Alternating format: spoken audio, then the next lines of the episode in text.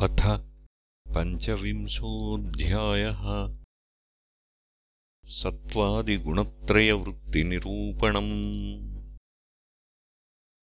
श्रीभगवानुवाच। गुणानामसमिश्राणाम् पुमान् येन यथा भवेत् तन्मे पुरुषवर्येदमुपधारय शंसतः। शमोदमस्तितिक्षेक्षा तपः सत्यम् दयास्मृतिः। तुष्टिस्त्यागोऽस्पृहा श्रद्धा ह्रीर्दयादिः स्वनिर्वृतिः काम ईहा मदस्तृष्णा स्तम्भ आशीर्भिदा सुखम् मदोत्साहो यशः प्रीतिः हास्यम् वीर्यम् बलोद्यमः। क्रोधो लोभोऽनृतम् हिंसा याच्या दम्भः क्लमः कलिः शोकमोहौ विषादार्ती निद्राशाभीरनुद्यमः सत्त्वस्य रजसश्चैतास्तमसश्चानुपूर्वशः तयो वर्णितप्रायाः सन्निपातमथो शृणु। सन्निपातस्त्वहमिति ममेत्युद्धवयामतिः व्यवहारः सन्निपातो मनोमात्रेन्द्रियासुभिः धर्मे चार्थे च कामे च यदासौ परिनिष्ठितः गुणानाम् सन्निकर्षोऽयम् श्रद्धारतिधनावहः। प्रवृत्तिलक्षणे निष्ठा पुमान्यर्हि गृहाश्रमे स्वधर्मे चानुतिष्ठेत गुणानाम् समितिर्हि सा।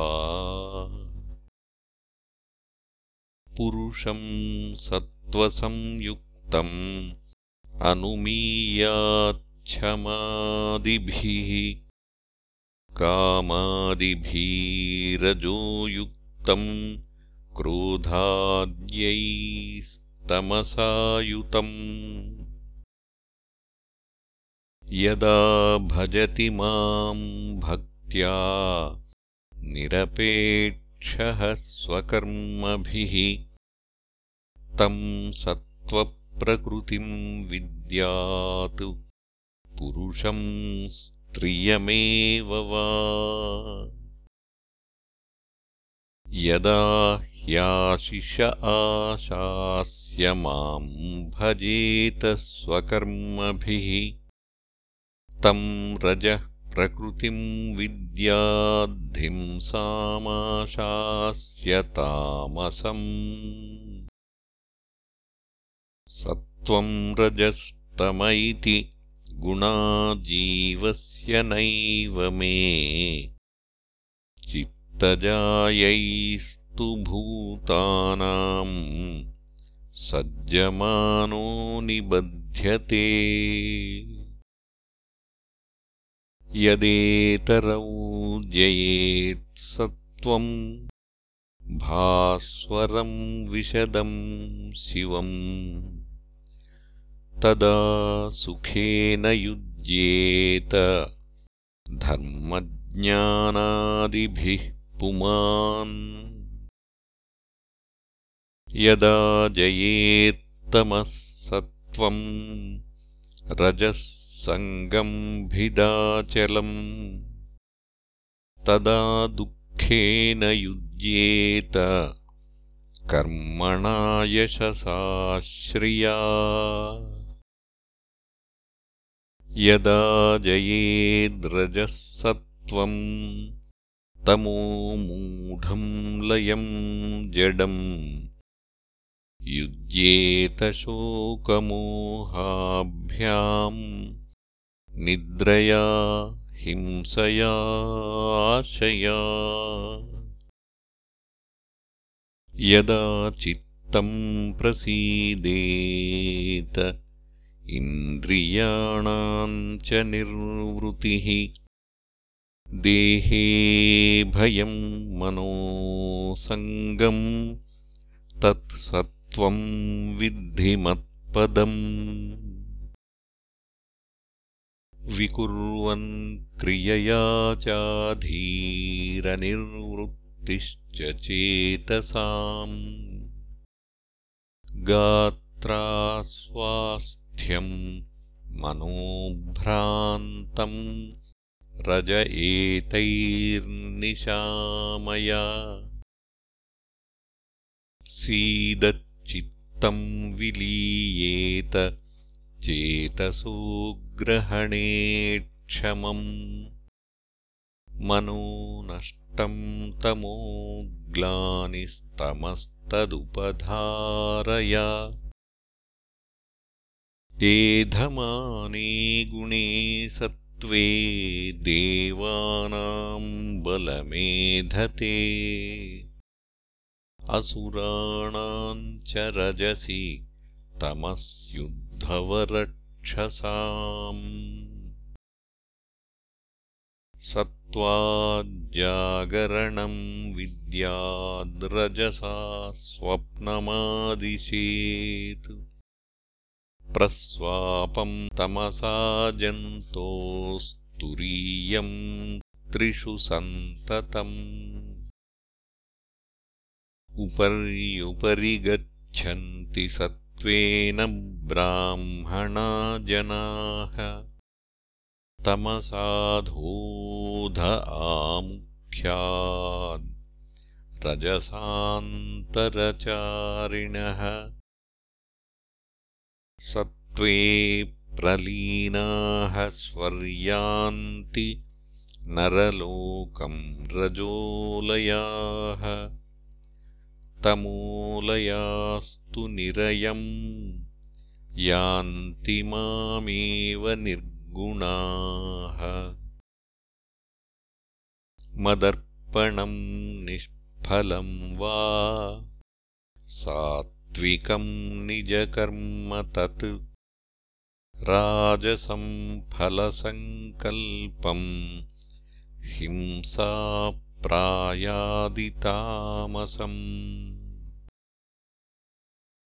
कैवल्यम् सात्विकम् ज्ञानम् रजो वैकल्पिकम् च यत् प्राकृतम् तामसम् ज्ञानम् मन्निष्ठम् निर्गुणम् स्मृतम्। वनम् तु सात्विको वासो ग्रामो राजस उच्यते। तामसम् द्यूतसदनम् मन्निकेतम् तु निर्गुणम् सात्विकः कारको सङ्गी। रागान्धो राजसः स्मृतः। तामसः स्मृतिविभ्रष्टो। निर्गुणो मदपाश्रयः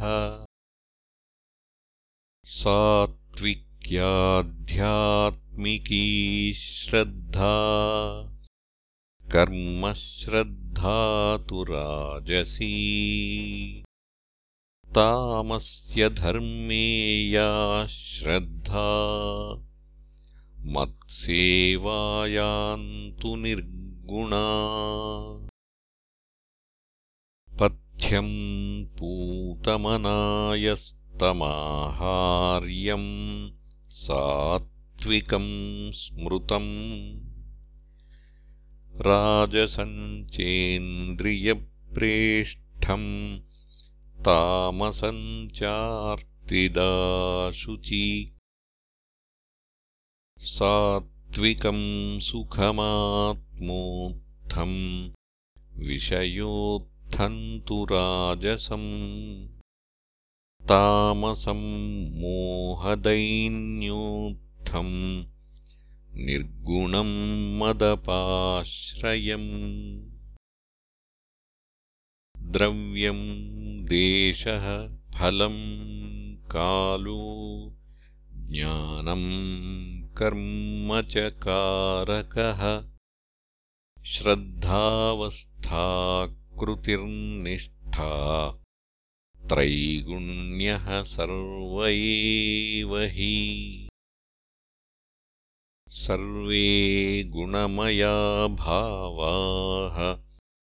पुरुषाव्यक्तधिष्ठिताः दृष्टम् श्रुतमनुध्यातम्। बुद्ध्या वा पुरुषर्षभ। एताः संसृतयः पुंसो गुणकर्मनिबन्धनाः। येनेमे निर्जिताः सौम्य। गुणाजीवेन चित्तजाः। भक्तियोगेन मन्निष्ठो। मद्भावाय प्रपद्यते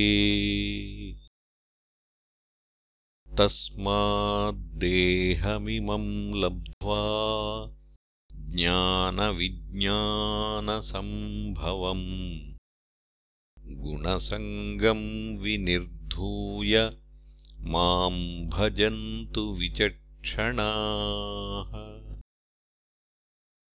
निःसङ्गो माम् भजेद्विद्वानप्रमत्तो जितेन्द्रियः रजस्तमश्चाभिजयेत्। सत्त्वसंसेवया मुनिः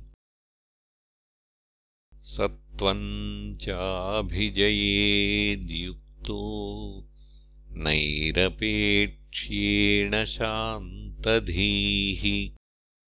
सम्पद्यते गुणैर्मुक्तो जीवो जीवम् विहाय माम्। जीवो जीवविनिर्मुक्तो गुणैश्चाशयसम्भवैः मयैव ब्रह्मणा पूर्णो न बहिर्नान्तरश्चरेत्